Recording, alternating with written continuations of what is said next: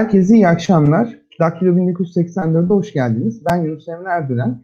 E, bugün aslında çok üzücü bir gün. E, terör örgütü PKK tarafından 13 e, vatandaşımız şehit edildi. Bütün şehitlerimize Allah'tan rahmet, yakınlarına ve bütün ülkemize de e, sabır diliyoruz. Bugün e, Daktilo 1984 olarak yeni bir programa başlıyoruz. E, bu programın adı Çapraz Ateş. E, Pırıl Gümürdülü ile beraber her hafta konuklarımızı ağırlayacağız ve konuklarımıza e, zor ve belli bir süreye tabi olacakları, bazı soruları 5 dakika, bazı soruları 2 dakika, bazı soruları 7 dakika vereceğimiz ve birazcık daha üzerine düşünmüş, orijinal ve zor sorular soracağımız bir program olacak. Pırıl istersen sen de e, kendini seyircilerimize ve dinleyicilerimize tanıt.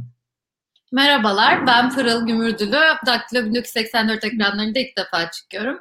Ee, 2019 senesinde Boğaziçi Üniversitesi'nden mezun oldum. Mezun olduğumdan beri özel bir şirkette pazarlama departmanında çalışıyorum. Aynı zamanda yine şu anda Boğaziçi Üniversitesi Uluslararası İlişkiler Bölümünde yüksek lisans öğrencisiyim. Ee, bugün sizinle beraber çapraz ateşte olacağımız için çok memnunum. Ee, isterseniz hiç vakit kaybetmeden Çapraz Ateş'in ilk konu İyi Parti Adalet ve Hukuk Politikaları Genel Başkan Yardımcısı Profesör Doktor Bahadır Erdem'i yayına alabiliriz. Hoş geldiniz hocam. Hoş bulduk gençler. Sizlerle birlikte olmak büyük bir keyif. Davetiniz için ilk programımıza özellikle çok teşekkür ediyorum. Dinleyenleri de e, sevgiyle selamlıyorum. İyi akşamlar diliyorum. Bu arada da sizi dinledim. Bugün gerçekten milletimiz için çok acı bir gün. Ee, bu 13 tane şehidimize Allah'tan rahmet diliyorum. Ailelerine sabır diliyorum gerçekten. Terörü destekleyen, terörden medet uman, teröre e, nasıl söyleyeyim sırf teröristten değil, teröre en ufak desteği veren herkese de gerçekten milletçe lanet okuduğumuz bir gün bugün ama Türk milleti çok büyük bir millettir hiçbir zaman bir avuç teröriste de onların destekçisine de e, ne geçmişte ne bugün ne de gelecekte en ufak şekilde pay vermez. Ama bugün acı bir günümüz. Türkiye'nin başı sağ olsun diyorum.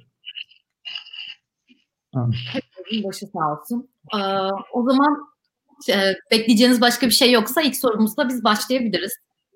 Tabii ki e, heyecanla bekliyorum çapraz ateşi. Sizin yani sizin çapraz ateşinize nasıl dayanacağız? Göreceğiz bakalım hep birlikte. Benim için güzel bir şey olacak, challenge olacak. evet. Öncelikle zaten kabul ettiğiniz için de özellikle biz çok teşekkür ederiz ilk programımızı konu olduğunuz için de. Ee, şöyle süreler, sorularımızın belli süreleri var. Bazıları 7 dakikalık, bazıları 5 dakikalık sorular olacak. Bu sürede ekranda da zaten e, zamanı size gösteriyor olacağız. O zaman ilk sorumuzla başlayalım. İlk sorumuzu ben size sormak istiyorum. İlk sorumuz aslında yaklaşık bir aydır hatta bir ayı uzun süredir gündemimizi meşgul eden Boğaziçi Üniversitesi ile alakalı. Ya pek çoğumuzun hakim olduğu üzere, sizin de takip ettiğiniz üzere 1 Ocak 2021 tarihinde Cumhurbaşkanı tarafından Boğaziçi Üniversitesi'ne bir rektör ataması yapıldı. Ve bu atama yapıldığı ilk günden beri Boğaziçi Üniversitesi bütün bileşenleriyle, hocalarıyla, öğrencileriyle bu atamaya karşı çıktılar ve bu atamanın yanlış olduğunu savundular. İçeride çok başlıca bir şekilde protestolarını sürdürdüler. Ama bir yerden sonra okulun polis ablukası altına alınması, üniversite kapısının kelepçelenmesi, okulun içine polisin girmesi, öğrencilerin gözaltına alınması, tutuklanması, hatta gözaltına alı, gözaltıları protesto eden öğrencilerin tutuklanması, gözaltına alınması gibi bir süreç yaşamaya başladık. Benim bu konudaki sorum e, siz bireysel olarak neredeyse ilk günden beri buna karşı koyuyorsunuz. Ve bu eylemleri bu eylemlerin haklı olduğunu, öğrencilerin barışçıl taleplerinin haklı talepler olduğunu savunuyorsunuz. Hmm. Ama hem partinizin hem de genel başkan Sayın Akşener'in duruşunu hmm çok geç görebildik ve çok da net bir duruş olarak adlandırmadı bazı kesimler tarafından. Bu konuda parti olarak da bir tutumunuz var mıdır? Neden böyle bir konumlandırmayı çok geç gördük? Bu birinci parti. İkinci kısım olarak bir hukukçu olarak size sormak istiyorum. Ee, bu e, yapılanları nasıl buluyorsunuz hukuken? Bu işlemler hakkında ne düşünüyorsunuz? Öğrencilere bireysel olarak ya da parti olarak bir desteğimiz oldu mu ya da olacak mı gözaltındaki öğrencilere özellikle? Şimdi öncelikle şöyle Boğaziçi kaç dakika dediniz buna? Bu 7. 7 dakika güzel. Şimdi Boğaziçi'li öğrenciler şu kadarını söyleyeyim bu olayda ve Boğaziçi'li hocalar sonuna kadar haklı. Boğaziçi'ne daha önce de e, rektör atandı. Bundan bir önceki rektör de yine AK Partili bir rektördü. Ve böyle tepkileri beğenmese de fazla e, memnun olmasalar da hiçbir surette böyle tepkiler görülmedi. Ama bu tepki niye geldi? Çünkü gerçekten öğrencilerin de kendilerinin adlandırdığı gibi adeta kayyum gibi dışarıdan Boğaz içinin içinden olmayan bir kişinin e, rektör olarak atanmasından geldi. Ve e, rektör olarak atanan bu kişinin işte intihaline ilişkin bir dolu şeyler var, suçlamalar var. Eserleri YÖK tarafından kapatılmış durumda düşünebiliyor musunuz? Yani en en e, şeyin başındaki asistanın yahut da yüksek lisans öğrencilerinin dahi akademisyen olmayan bütün eserleri YÖK tarafından herkese açıktır. Neden koskoca Boğaziçi Üniversitesi'nin rektörünün eserleri e, kamuoyuna kapalı? Sonra koskoca Boğaziçi'nde bu kadar e, kıymetli bir bilim dünyasının e, göz bebeği Türkiye'deki üniversitede hiç mi içeriden rektörlüğe layık olan tek bir hoca yoktu? Şimdi üniversitenin e, rektörünün e, o üniversitenin e, e, şeyinden eski tabirle tevhidi tedrisatından yani o üniversitenin akademik e, terbiyesinden ve akademik kültüründen gelen birisinin olması, o üniversiteyi tanıması son derece önemlidir.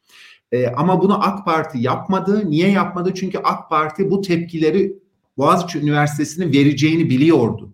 Bu özellikle yapılan bir atamadır. Bunun altını çiziyorum. Bu benim kanaatim o ki özellikle bu atamayı yaptı ki Boğaziçi ayağa kalksın. Çünkü Boğaziçi'nin duruşu nettir. Boğaziçi her zaman ve her zaman hukukun yanında durmuştur.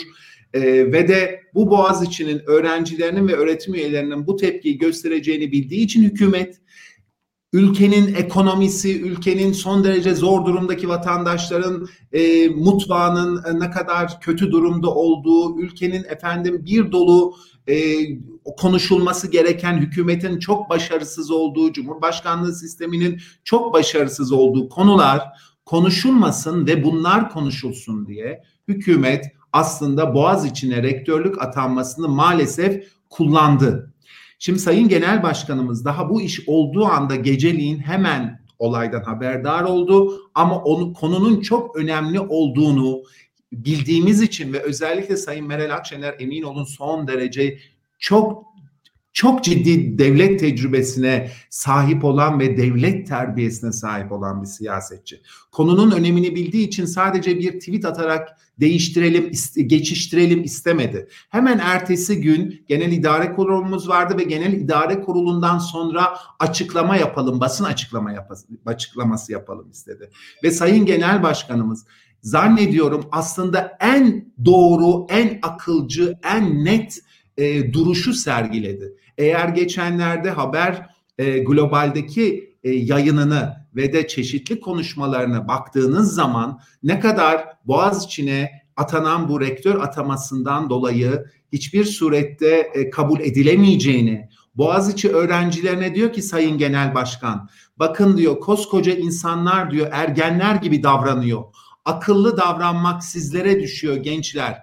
O koca e, bu rektörü size atayanların yaptığı oyuna gelmeyin diyor. Haklısınız diyor. Sonuna kadar haklısınız ama bu insanların Boğaziçi Üniversitesi'ni kullanmasına izin vermeyin diyor. Şimdi ben e, so, e, bu ve bu bizim partimizin bütün kadrolarının, bütün iyi partililerinin emin olun genel görüşüdür. E, Boğaziçi Üniversitesi çok kıymetli bir kurumdur. Boğaziçi Üniversitesi'nin öğrencileri son derece aklı başında ve ne istediğini bilen öğrencilerdir. Oraya çok zor girmişlerdir ve de kendi kendi üniversitelerinin değerinin düşmesini sadece arzu etmeyen, hem bilimsel değerinin hem akademik değerinin hem e, köklülüğünün, görgüsünün e, geçmişe yönelik olan idari atama kriterlerinin akademik atama kriterlerinin bozulmasını istemeyen, bunun ne kadar kıymetli olduğunu bilen öğrenciler ve öğretim üyeleridir. Bakın e, hiçbir surette Sayın Cumhurbaşkanı söyledi dedi ki bizim de 200 bilmem kaç tane üniversitemiz var. Almanya'dan daha iyi durumdayız.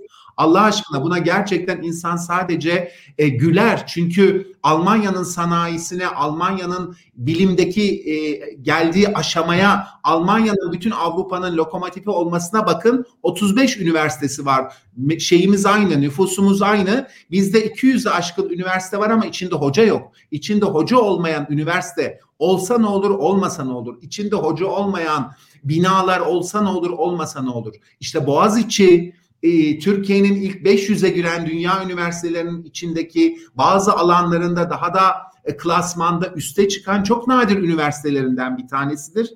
Kendi görgüsü vardır, kendi köklülüğü vardır. Görgü derken akademik görgüden bahsediyorum. Söylediğim şeyi üniversitenin öğrencileri, her üniversitenin kendi akademik görgüsü, her üniversitenin kendi akademik e, şeyi vardır, terbiyesi vardır ve bunu öğrenciler de akademisyen olan hocalar da bilirler. Dolayısıyla Boğaziçi bunu kimseye yedirmiyor. Bizler ben Bahadır Erdem Hoca olarak ve İyi Parti olarak sonuna kadar Boğaziçi'li öğrencilerin yanındayız. Bu karmaşada kendilerini kullandırtmamalarını rica ediyoruz. Ama kullandırtmayacaklarını da biliyoruz. Çünkü Boğaziçi'nin hocaları da Boğaziçi'nin efendim e, işte, öğrencileri de çok akıllı.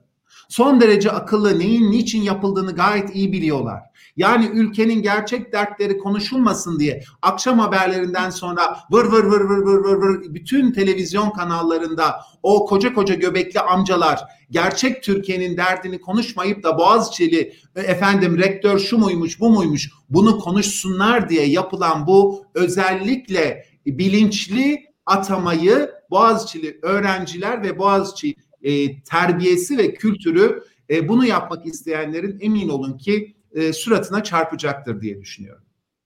E, çok teşekkürler Bahadır Hocam. İkinci sorumuz Suriyeli mülteciler hakkında. Suriyeli evet. mülteciler konusunda İyi Parti'den çok farklı mevkilerde olan kişilerden farklı açıklamalar geldi. Ve bu aslında insan hakları savunucularından ve mülteci hakları savunucularından oldukça sert tepkiyle karşılaşıyor. Sosyal medyada bu konular konuşuldukça. Acaba sizin duruşunuz nedir? Mesela e, yarın öbür gün Allah korusun İdlib'de bir insani facia yaşanırsa ve oradan yeni bir mülteci talebi gelirse Türkiye'ye e, bu e, Suriyeli mültecilerin Türkiye'ye alınmasını mı savunursunuz parti olarak ve e, Bahadır Erdem olarak ya da yoksa e, alınmasın mı tarzında veya nasıl e, Suriyeli mülteciler konusunda İyi Parti politikaları nedir gibi bir soru sormak istiyorum.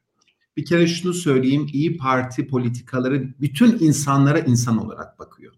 Suriyeliler meselesine gelince şu anda Türkiye'de Suriyeli olarak zannediyorum ki 5,5 milyon civarında insan var. Yani 5,5 milyon civarındaki Suriyeli geçici sığınmacı Avrupa'ya baktığınız zaman bir küçük Avrupa ülkesinin nüfusu kadar. Ve biz bir millet olarak bir başka milleti, bir Arap milletini içimizde şu anda barındırıyoruz. Ve yine son derece insani şartlarda barındırıyoruz. İnsan olarak, devlet olarak, millet olarak elimizden geleni yapıyoruz. Ama kabul etmek gerekir ki bu hiç kolay bir şey değil.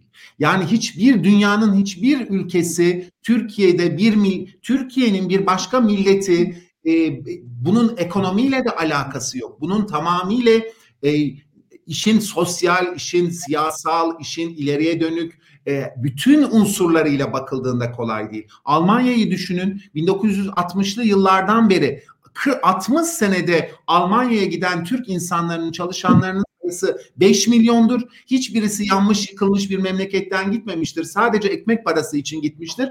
Almanya hala ağlamaktadır. Üçüncü nesil Türkleri hala efendim kendilerine adaptasyon olması için çalışmaktadır. Biz Türk milleti olarak 5 milyon başka bir milleti e, ne yapıyoruz? Ağırlıyoruz. Ama unutulmasın ki bu hiç kolay bir şey değil. Bunun parayla pulla da alakası yok.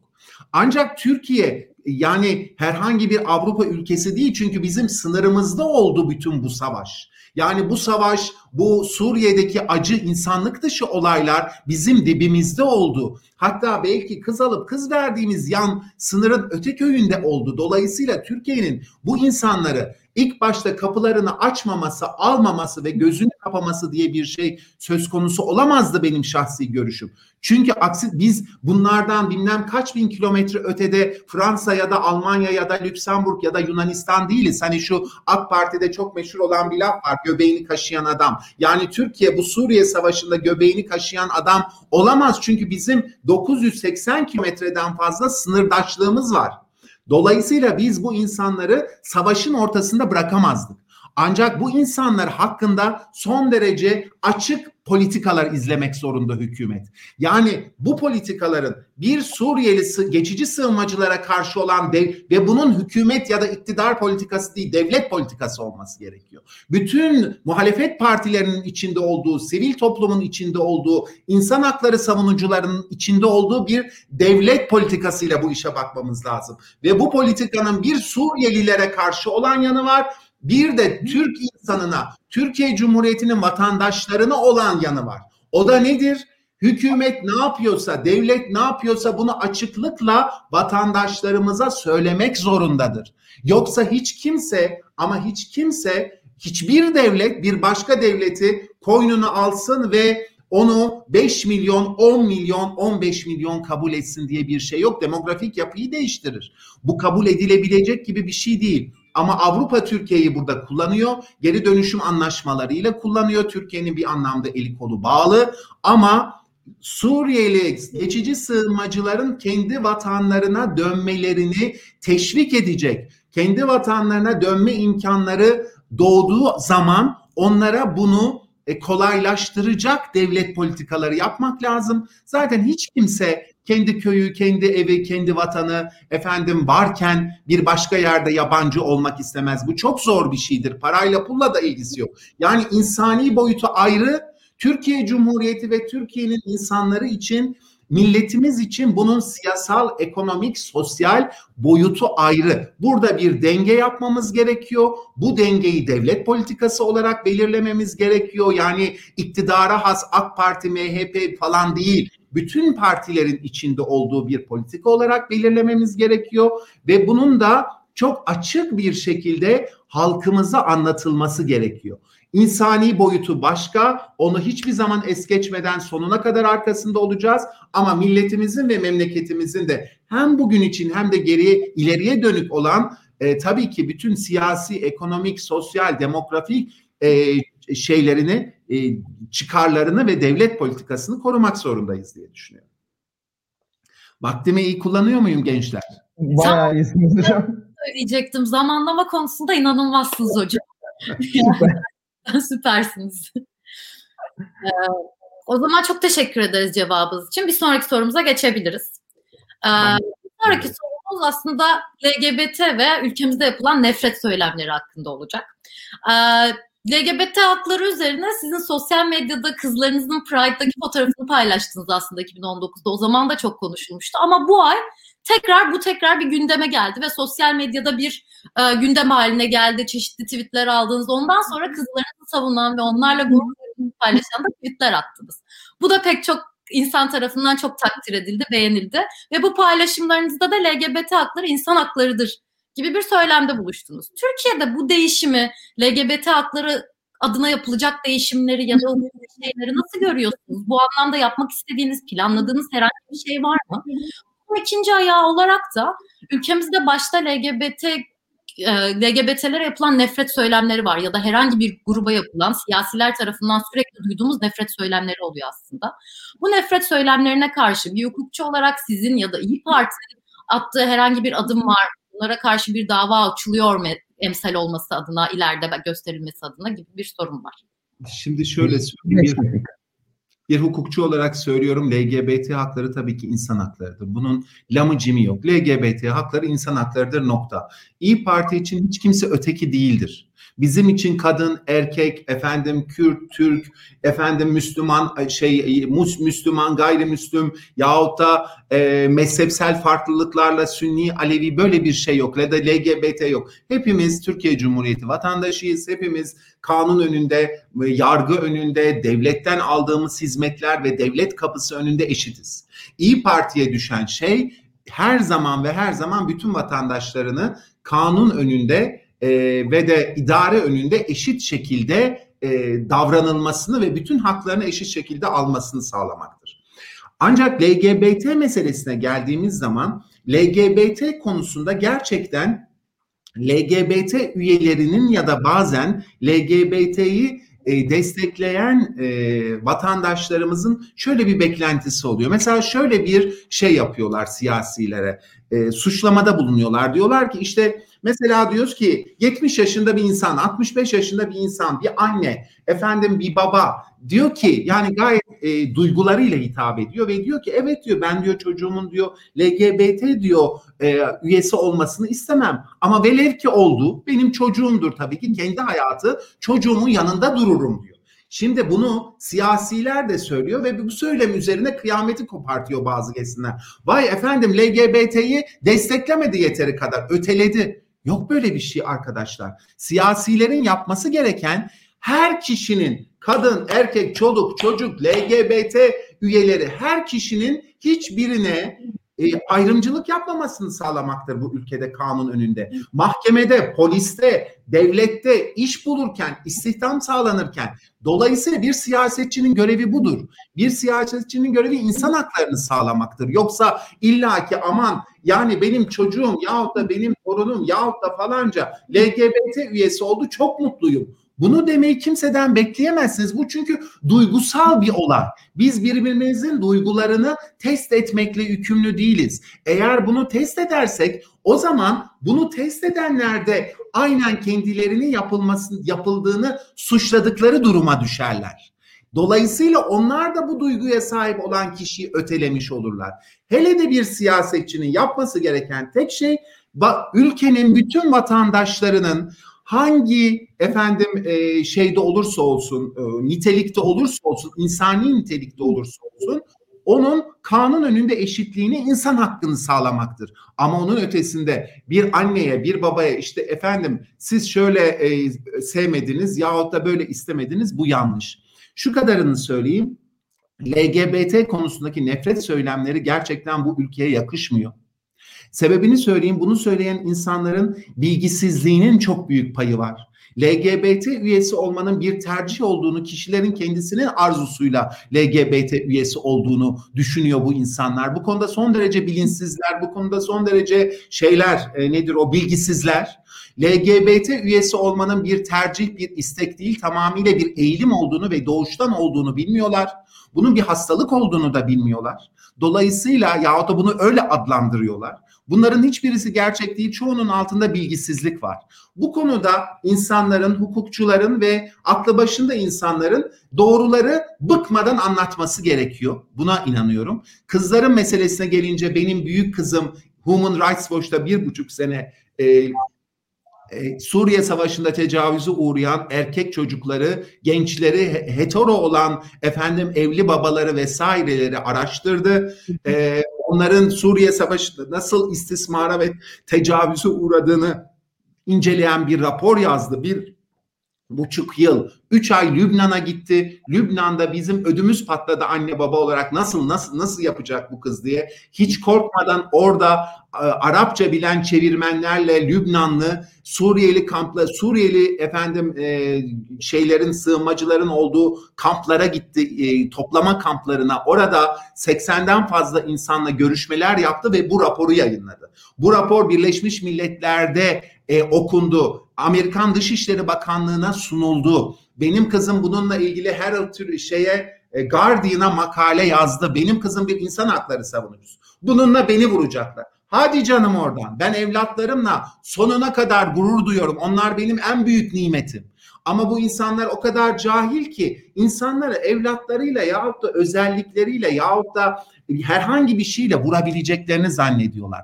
Bakın Türkiye biraz uzatıyorum biliyorum ama Türkiye son yıllarda şunun içine girdi. Bunu yapan şey sistemin kendisidir. Bunu yapan şey AK Parti'dir. Bunu yapan şey Milliyetçi Hareket Partisi'dir. Kendisi gibi olmayan herkesi büyük bir suçlamayla, teröristlikle, terörle, yerli ve milli olmamakla, gayrimilli olmakla Müslümanlığı ve dini efendim Müslüman olmamakla suçluyorlar. Yeterli Müslüman olmamakla suçluyor. Siz kimsiniz yahu? Siz kimsiniz? Siz kimsiniz ki bizim yerliliğimizi, milliliğimizi yahut da Müslümanlığımızı, dinimizi, Müslüman olup olmadığımızı vesaire. Sizin elinizde şey mi var, barometre mi var? Biz size böyle bir yetki vermiyoruz ki. Haddinizi bilin, haddinizi. Millet size böyle bir yetki vermiyor. Yürüyün oradan ya. Yürüyün oradan. Benim evlatlarım başımın tacı, onlar benim gururum. En büyük, en büyük onurum En büyük ünvanım o çocukların babası olmak.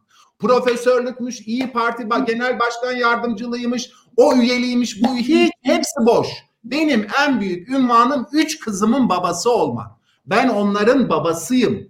Bu kadar basit. Bunlara laf edenler yürüsün anca giderler diyor.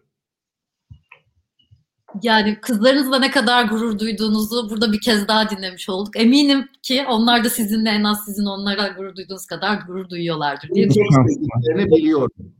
İnşallah sizler de çok güzel, sizi çok seven, çok seveceğiniz evlat sahibi olun. En büyük zenginlik ve mutluluk aile. Bunu da altını çizmek istiyorum. Hayatta insana güç veriyor. Aile insanın bütün zorluklara katlanmasının e, mucizevi altın anahtarıdır. Anne babalarınız, kardeşleriniz, eşiniz, çocuklarınız aileden büyük güç yoktur arkadaşlar. İnşallah. İnşallah kısmetse güzel bir mesaj oldu bize de. Şimdi öbür sorumuza geçmek istiyorum sizin için uygunsa. Ee, öbür sorumuzda kadın hakları ve kadına yönelik şiddet hakkında olacak aslında. Yani Türkiye'de çok önemli bir konu olduğunu düşünüyoruz bunun. Türkiye'de her gün onlarca kadın katlediliyor. Binlerce kadın tacize uğruyor. Ve geçtiğimiz daha bu sene içerisinde İstanbul Sözleşmesi'nden çıkılması gibi bir krizle karşılaştık. Ve birçok farklı kadın el ele tutuşarak İstanbul Sözleşmesi'ni ayakta tuttular ve ülkemiz için geçerli olmasını sağladılar. Ama bugünlerde tekrar bu sözleşmeyi konuşur olduk. Tekrar bu sözleşme üzerinden kadınlara yapılan hakaretleri dinler olduk. Ama ben şimdi sizin esasında İyi Parti olarak parti programınızı merak ediyorum. Parti programınızda kadın kısmına baktığımız zaman aslında kadın istihdamının arttırılması, kadınlara yönelik bazı eğitimler gibi şeyler görüyoruz ama uzun vadede çözümler gibi geliyor okuduğumuz zaman. Kısa vadede öldürülen, tacize uğrayan, evinde şiddet gören kadınlar için spesifik bir net politikanız var mıdır? Ne olacak? Bu kadın sorununu nasıl çözebilir? Sevgili Pırıl çok net bir politikamız var. Hemen net politikamızı söyleyeyim. Bunu da sizde açıklıyorum ilk defa e, aslında lansmanını Sayın Genel Başkanımızla yapacağımız iyileştirilmiş, güçlendirilmiş parlamenter sistemde ondan sonra açıklayacağım. Ben iki haftadan beri hiçbir televizyon programına çıkmıyorum. Farkındasınız belki sebebi iyileştirilmiş, güçlendirilmiş parlamenter sistemin e, açıklanmadan hiçbir şekilde e, herhangi bir şekilde ağzından bir şeyler kaçırmamak için ve biraz da e, onu o, şey yapmak için yani tamamlaya tamamlarken vakitte e, kazanmak için şöyle söyleyeyim bizim iyileştirilmiş güçlendirilmiş parlamenter sistemdeki önerilerimizden bir tanesi Türk Ceza Kanunu'nda kadına karşı şiddet ve kadın cinayeti suçunun getirilmesidir. Kadına karşı şiddet ve kadın cinayeti suçunun ayrı bir suç olarak getirilmesinin nedeni şudur. Kadın cinayeti dediğimiz şey bir kadının bir erkek tarafından sırf o erkeğin yap dediğini yapmadığı, yapma dediğini yaptığı için öldürülmesidir. Öldüren erkek koca, eski koca, sevgili, eski sevgili, bazen daha da acısı evlat, kardeş, kayınbirader işte efendim baba olmaktadır. Yani okuma deniyor, kız okumak istiyor. Evlen deniyor, evlenmek istemiyor. Boşan deniyor, boşanmak istemiyor. Boşanma deniyor, boşanmak istiyor. Çalışma deniyor, çalışmak istiyor. İnsan hakkını kullanmak istiyor. Türkiye'de iki tane kadın öldürüyor neredeyse her Allah'ın günü. Neden kanunlarımız efendim kötü olduğu için mi? Hayır kanunlarımız yeteri kadar ağır. Bunu size söyleyeyim. Ama uygulaması yok. Uygulaması neden yok? Çünkü balık baştan kokar. Baktığınız zaman en tepeden en aşağıya varana kadar sosyal medya, çeşitli dini efendim vakıflar, dernekler bunların göya baskı yaptığı yahut da oradan zaten sosyal medya şöyle kullanılıyor. Siyasiler sosyal medyayı kullanıyor, sosyal medya siyasileri kullanıyor. Böyle bir döngü var. Vay vay vay efendim İstanbul Sözleşmesi kaldırılsın isteniyor. Tabii ki milletimiz bunu istediği için İstanbul Sözleşmesi'ni kaldıracağız.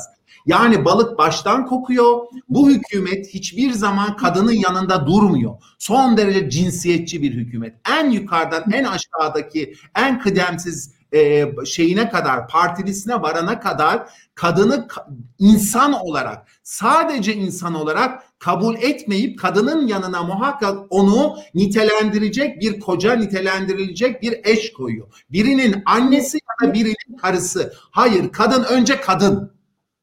Bu kadın ister evlenir ister evlenmez, ister çalışır ister çalışmaz, ister doğurur ister doğurmaz. Devletin vazifesi kadını erkekle eşit olarak cinsiyet eşitliğini sağlamaktır. Kanunlarında, uygulamasında e, tüzüklerinde ve söyleminde, dilinde, dilinde.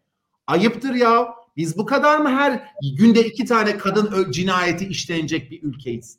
İstanbul Sözleşmesi'ni bahane ediyorlar. Ne var İstanbul Sözleşmesi'nde? İstanbul Sözleşmesi'nde olan tek şey diyor ki devletler diyor kadınları diyor idarede diyor, kanunda diyor, okulda diyor, işte iş yerinde, ailede, mahkemede erkekle eşit bütün haklara e, sahip olmasını sağlamak zorunda diyor. AK Parti bunu kurdu. AK Parti Avrupa Sözleşmesi'ni hazırladı daha 2011 yılında. Ne oldu? 10 yılda ne geçti yahu? Ne değişti? Aynı parti, aynı başbakan, aynı cumhurbaşkanı.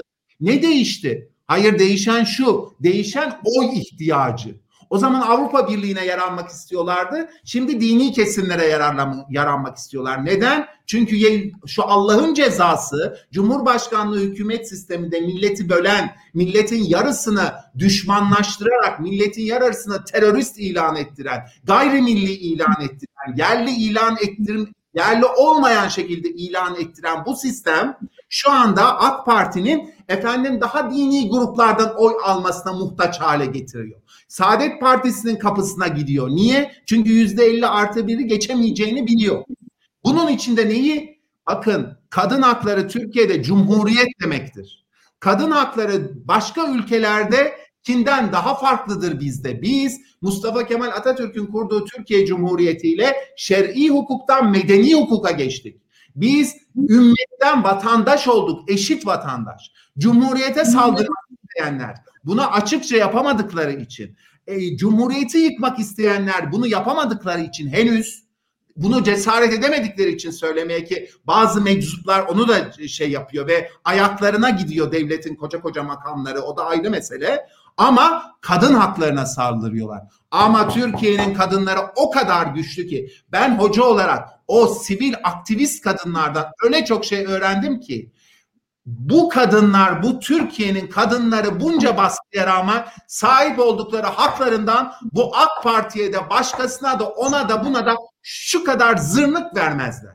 Bunun da burada altını çiziyorum. Üstelik de iktidara getiren de partileri kadınlardır, götüren de kadınlardır. Bizim genel başkanımız da üstelik kadın ve bu kadın haklarında size temin ediyorum ben sivil toplumda da kadın hakları konusunda çok çalıştığım için partiye girmeden de biliyorum. Sayın Meral Akşener'in kadın hakları konusunda en fazla e, samimi olarak kadın haklarının yanında duran siyasetçi olarak kabul edildiğini biliyorum. Sivil toplumdaki kadın hakları savunucuları yanında. İstanbul. Sözleşmesi yaşatır diyor bizim genel başkanımız. Ve İyi Parti olarak bizim söylediğimiz budur. İstanbul Sözleşmesi yaşatır Atatürk'ün kurduğu Türkiye Cumhuriyeti'nin kadınları hiçbir surette kendi haklarını onların üzerinden ekmek yemek isteyen siyasetçilere yedirmez. Kadınların başının örtünüsünü kaldırmak için de başını örtmek için de bu ülkede yeteri kadar siyasetçi de ekmek yedi. Onu da ayrıca söyleyeyim. Yeter artık kadınları rahat bıraksınlar. Kadınlar kendi haklarını da korur. Kadınlar nasıl giyineceklerini de bilir. Kadınlar nasıl e, yaşayacaklarını da bilir bu hadsiz erkeklere de siyasetçilere de haddini bildirir. Evet, evet. teşekkür ederim. Çok netti. Çok teşekkür ederim. Evet. Gerçekten hocam çok net bir cevaptı. Ee, cevabınız içerisinde aslında Cumhurbaşkanlığı hükümet sistemini de oldukça ciddi bir şekilde eleştirdiniz ve konuşmanızın başında da yakın zamanda güçlendirilmiş parlamenter sistem önerinizi vereceğinizi belirttiniz. Bugün aslında muhalif partilerin hepsi kendi güçlendirilmiş parlamenter sistem önerilerini açıklıyor yavaş yavaş. Gelecek Partisi açıkladı. CHP ve İyi Parti açıklayacak bu yakın zamanda. Aynı zamanda da iki hafta önce Cumhurbaşkanı Erdoğan yeni bir anayasaya ihtiyacımız olduğunu söyledi ve İnsan Hakları Eylem Planı'nın akabinde ay sonunda yine bir anayasa e, temennisiyle ineceklerini ve sene sonuna doğru özellikle yeni 2023 seçimlerine doğru muhalefetle her türlü sivil toplum kuruluşuyla birleşip yeni bir anayasa yazım süreci başlayacağını söyledi. Bizim önümüzde artık hem muhalefetin hem iktidar partilerinin e, anayasa konuştuğu bir e, gündem geliyor. E, İyi Parti'de güçlendirilmiş e, parlamenter sistemi savunuyor ve sembolik bir tarafsız bir cumhurbaşkanının e, gerektiğini belirtiyor. Peki hazır bu çalışmanın sonlarına gelmişken bize somut mekanizmalarla bu sembolik ve tarafsız cumhurbaşkanının nasıl sağlanacağı konusunda hukuki mekanizma örnekleri verebilir misiniz?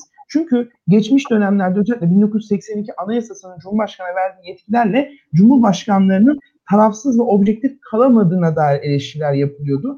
İyi Parti buna yeni mekanizmalar, yeni kurallar önerecek mi? Bunu oldukça merak ediyorum. Ben de bir hukukçu olarak e, bu sorunun cevabında 5 dakika süresi var. Çok sağ olun.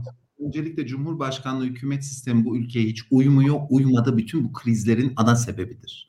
Cumhurbaşkanlığı hükümet sistemi dediğiniz şey bütün yetkilerin tek bir elde Cumhurbaşkanlığı makamında toplanmasıdır. Zaten bunu daha önce daha referandumdan önce Sayın Cumhurbaşkanı kullanıyordu. Milliyetçi Hareket Partisi Başkanı dedi ki Cumhurbaşkanının kullandığı yetkileri dedi anayasa uygun hale daha doğrusu anayasayı Cumhurbaşkanının kullandığı yetkilere uygun hale getirelim dedi. Düşünebiliyor musunuz ki ülkenin cumhurbaşkanı anayasaya uygun hareket etmiyor ya da başbakanı ve biz anayasayı anayasaya uygun hareket etmeyen bir devlet görevlisine uygun hale getiriyoruz. Bunun için mantalitesi böyle başladı. Bütün yetkileri bir kişide topladılar ve bunun bütün sonuçlarını da şimdi hep beraber milletçe çekiyoruz. Ekonomideki bütün bu krizlerin sebebi de Cumhurbaşkanlığı hükümet sistemidir. Çünkü benden başka hiç kimse hiçbir şey bilemez şeklinde eğer ülkeyi yönetirseniz kim hesabını soruyor size sorarım. 128 milyar dolar Merkez Bankası'nın rezervleri battı. Niye? Bir inat uğruna. Neymiş efendim? Faiz sebepmiş, enflasyon sonuçmuş. Dünyanın hiçbir iktisatçısının bilmediği bu teoriyi Sayın Cumhurbaşkanımız söyledi. İnatla Merkez Bankası başkanları buna uydu. E, şu anda nerede olduğunu bilmediğimiz eski Maliye Bakanımız da buna uydu ve ne oldu? İflas etti. Devletin Merkez Bankası'nın rezervleri. E şimdi herhangi birisi soruyor mu? Ey Sayın Cumhurbaşkanı çok özür dilerim ama galiba sizin bu politikanız, bu iktisat şeyiniz, teoriniz yanlışmış galiba. A acaba yanlış mı diye bile soramazlar. Bu yandaş basın var ya ödü patlar onu bile soramaz. E yanlışmış babam bak ne hale geldi. Bunun sebebi ne? Bir kişi hem Cumhurbaşkanı hem Başbakanı hem Merkez Bankası Başkanı hem Sermaye Piyasası Kurulu Başkanı hem Maliye Bakanı hem Sağlık Bakanı hem Kültür Bakanı hem Diyanet İşleri Başkanı olabilir mi? Böyle bir şey var mı? Dünyanın neresinde var? Nerede bu Ali Ala adam? Velev ki var Ali Ala. O Ali Ala adamı biz bir makamda kullanalım. Onu en güzel şekilde yapsın. Cumhurbaşkanı hükümet sisteminin getirdiği bir şeydir bu ve ülke kriz içinde. Ekonomik kriz, hukuk krizi, bir sistem krizi içinde. İyi Parti baştan itibaren iyileştirilmiş ve güçlendirilmiş parlamenter sistem dedi. Bunun isim annesi de Sayın Genel Başkanımızdır. Siz buna başka bir şey de söyleyebilirsiniz. Söylemek istediğimiz şudur. Kuvvetler ayrılığının tam olarak tam olarak içinde bulunduğu bir parlamenter sistem istiyoruz. Eskisinde çıkan krizleri önleyen mekanizmalarında olduğu bir parlamenter sistem istiyoruz. Yahu içinde kuvvetler ayrılığı olduktan sonra Cumhurbaşkanı baş başkanlık olsaydı ama kuvvetler ayrılığı olsaydı. Bak Amerika'ya Nasıl Anayasa Mahkemesi Senato deli Trump'ı şeye alabildi, zapturapta alabildi. İşte gördük Allah'ın delisinin neler yaptığını öyle değil mi? Yani ama ne oldu? Sistem yine işledi. Yani monarşi, İngiltere'de monarşi var, Danimarka'da var, Hollanda'da var. Monarşi var diye orada demokrasi yok mu? Var niye? Çünkü o temsili bir monarşi ama içinde tam bir kuvvetler ayrılığı var. Parlamenter sistem. Bütün ülkeler koalisyonlarla yönetiliyor. Almanya'sı, Fransa'sı, osu busu şusu. Ekonomilerine bak. Tamam kötüleşmiş şimdi ama Türkiye'den maalesef ki maalesef ki fersah fersah ileride. Yani önemli olan e, parlamenter sistemi tam olarak içinde kuvvetler ayrılığı olacak şekilde işletmek. Bizim sistemimizde Cumhurbaşkanı tarafsız. Nasıl tarafsız olacağını biz çeşitli bir e, bazı şeylerle düzenledik Yunus'cum ama maalesef ki sevgili e, sevgili Yunus Emre şu anda ben bunu söyleyemiyorum. O kadar ileri gitmeme imkan yok. Onu lansmanda Sayın Genel Başkanımız söyleyecek ama biz Cumhurbaşkanı sembolik değil tarafsız yaptık. Etkin olmayan bir cumhurbaşkanı değil. Cumhurbaşkanlığı makamı da çok önemli bir makamdır. Devletin ve milletin temsilcisidir. Biz o insanı o makama layık liyakatıyla ama onu tarafsız kılmasını gerektirecek şekilde dizayn eden bir takım kurallar koyduk. O makama çıkan insan bizim sistemimize baktığınızda artık tarafsızlığın dışında başka türlü hareket edemeyecek. E, böyle Yunus. E, e, lansman ne zaman olacak hocam? E, zannediyorum bu ay sonuna kadar olacak. Yani hazırlığı şey, herhalde olacak diye düşünüyorum. Anayasa tartışmalarıyla beraber bir diğer tartışma konusu ise seçim sistemindeki olası değişiklik.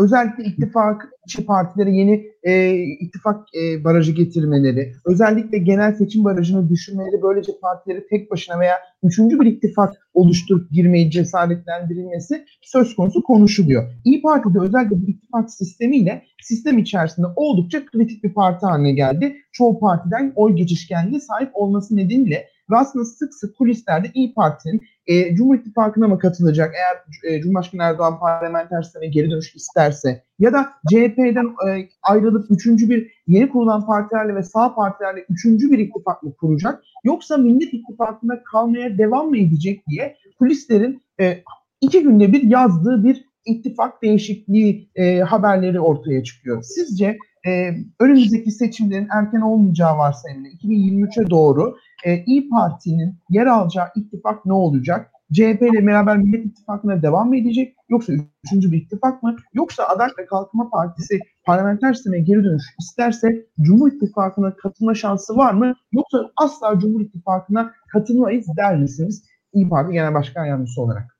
Şimdi bu ittifaklar rejimini getiren e, İyi Parti, şey e, AK Parti, Milliyetçi Hareket Partisi ve Cumhurbaşkanlığı hükümet sistemi.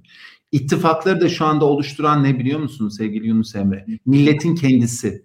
Bakın önümüzdeki seçim şu şunun ayrımına göre yapılacak. Bu devlet düzeninden çok memnunum. İşlerim tıkırında. Oh oh ne güzel bu böyle devam etsin diyen seçmenle yandım Allah artık dayanamıyorum. Ne olursa olsun Türkiye bunu kaldırmaz. Değişsin diyen seçmen arasında yapılacak. İşte biz bizim il, e, parlamenter sistemi biz savunuyoruz. Tek adamlığı kesinlikle reddediyoruz. Yasama, yürütme, yargının tam anlamıyla tarafsız, tam anlamıyla etkin bir şekilde birbirinin üzerinde vesayet kurmadan e, olduğu bir devlet sistemi öneriyoruz.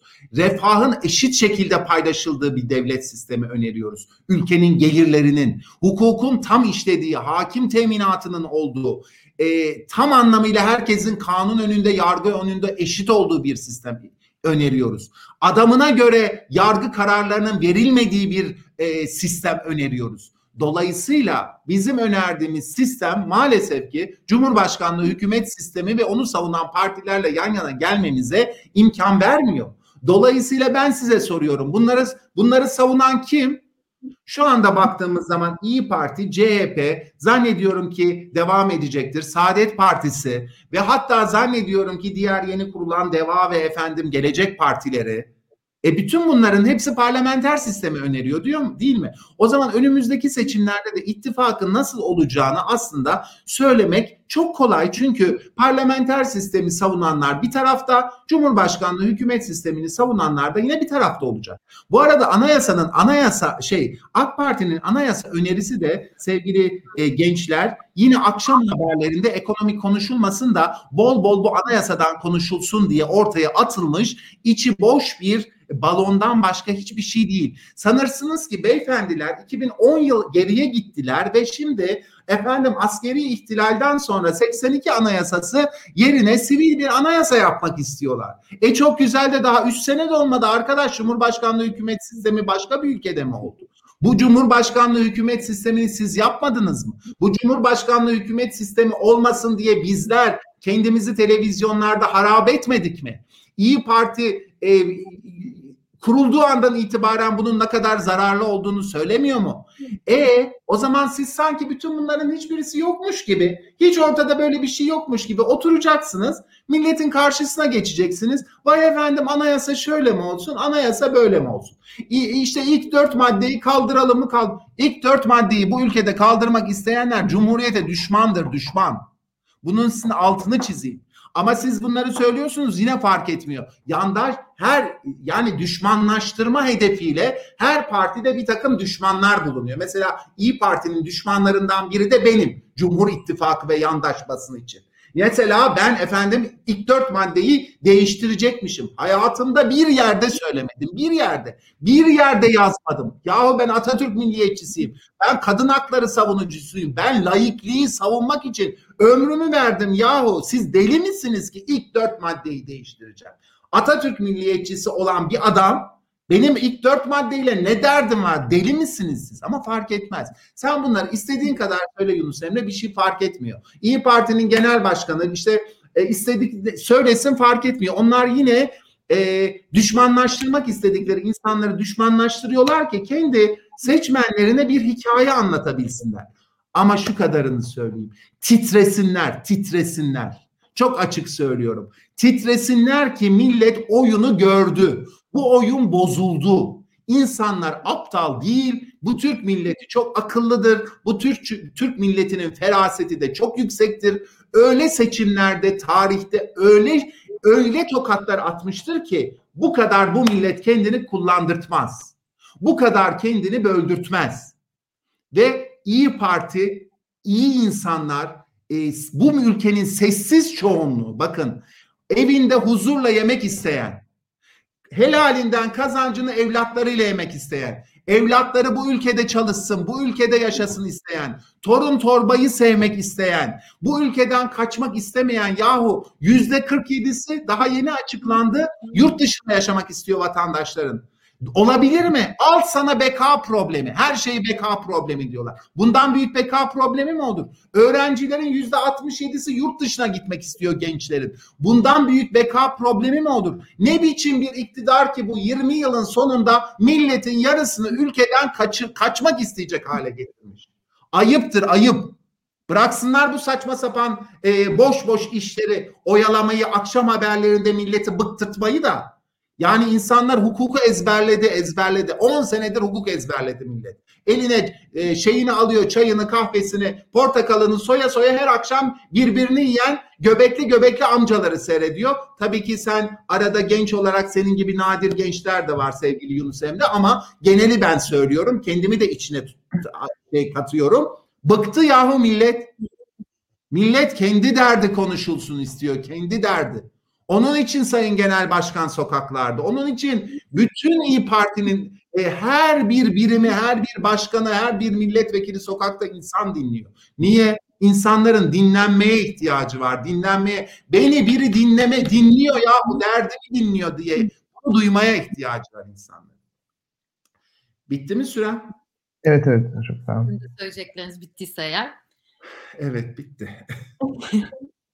Sizin için uygunsa öbür sorumuza geçebiliriz o zaman. Geçebiliriz. Ben biraz fazla bağırıyorum değil mi gençler? Hep amfide anlatır gibi kendimi düşünüyorum. Kusura bakmayın. İstanbul Üniversitesi'nin de amfileri çok özledim o amfilerde. Evet. Yani öğrencilerime sevgilerimi yolluyorum. 500 kişilik amfilerde o 250 kişiye ders anlatırken çok büyük bir keyiftir. Şimdi olduğu gibi sırtımdan ensemden ter damlar. Burada da tepemde ışık var. Orada da dolaşırken ama ondan alışkanlık e, böyle fazla e, bağırarak konuşuyorum hep ben. Biraz heyecanlanıyorum. Küçükken kızlarıma anneleri derdi ki ilkokul birinci sınıfta işte matematik problemi var anlatsana. Kızım yanıma otururdu garip bana bakardı. Ben ona anlatırken bir başlardım bağırmaya. Kızcağız korkardı. Ne oluyor? yanında oturan küçük kız ne, ne diye bağırarak anlatıyorsun. Alt tarafı anlattığın uyduruk bir matematik bilmem nesi ama alışkanlık biraz. Peki. Heyecanlı yüksek bir program oluyor. Evet heyecanı yüksek bir program oluyor. Ve dijitalden de olsa enerjiniz geçiyor bu sayede bence diye düşünüyorum. İnşallah. Uğurlu gelirim size umarım. Hadi İnşallah. Bakalım. İnşallah. Yani o zaman öbür sorumuza geçiyorum. Ee, öbür sorumuz benden gelecek. Yine 5 dakikalık e, bir soru olarak soruyoruz. Sizin biraz önce konuşmalarınızın hepsinde çok belirttiğiniz bir söylem aslında. Vatandaş dinlenmek istiyor. Şu anda Türkiye gerçeklerinden de bahsediyorsak ekonomiyi konuşmamak gibi bir şey yapamayız. Her geçen gün kötüye giden bir ekonomi görüyoruz. Yani TÜİK verilerine göre ayçiçek yağı fiyatları son bir yılda yüzde 52 arttı. Marketlerde bebek mamalarına alarm sistemleri takılmaya başlandı. Pandeminin başlamasıyla pek çok sektör ve çalışan büyük zararlar gördü. Ya siz de konuşmanızda da bahsettiniz aslında. Genel Başkan Akşener, Sayın Akşener sürekli sokakta, esnafın yanında paylaşımlar da yapıyor. Ben dinliyorum. Bunlar aslında diğer gündemler, suni gündemler. Esas sorun ekonomidir. Halk dinlenmek istiyor gibi söylemlerde bulunuyor. Bunları da çok net aktarıyor ama. Ekonomi konusunda asgari ücret 3 bin lira olacak gibi bir söyleminiz vardı. Onun dışında parti olarak ekonomi için sizin herhangi bir öneriniz var mıdır? Pandemi devam edecek gibi duruyor. Yasaklar da daha devam ettirilecek gibi duruyor. Ama bu ekonominin hali hem kısa vadede hem uzun vadede sizce ne olacak? Yine vatandaşın sırtında mıdır bu yük? Her zaman olduğu gibi. Şimdi şöyle söyleyeyim. Vatandaşın sırtına bırakılmaması gerekiyor bu yükün.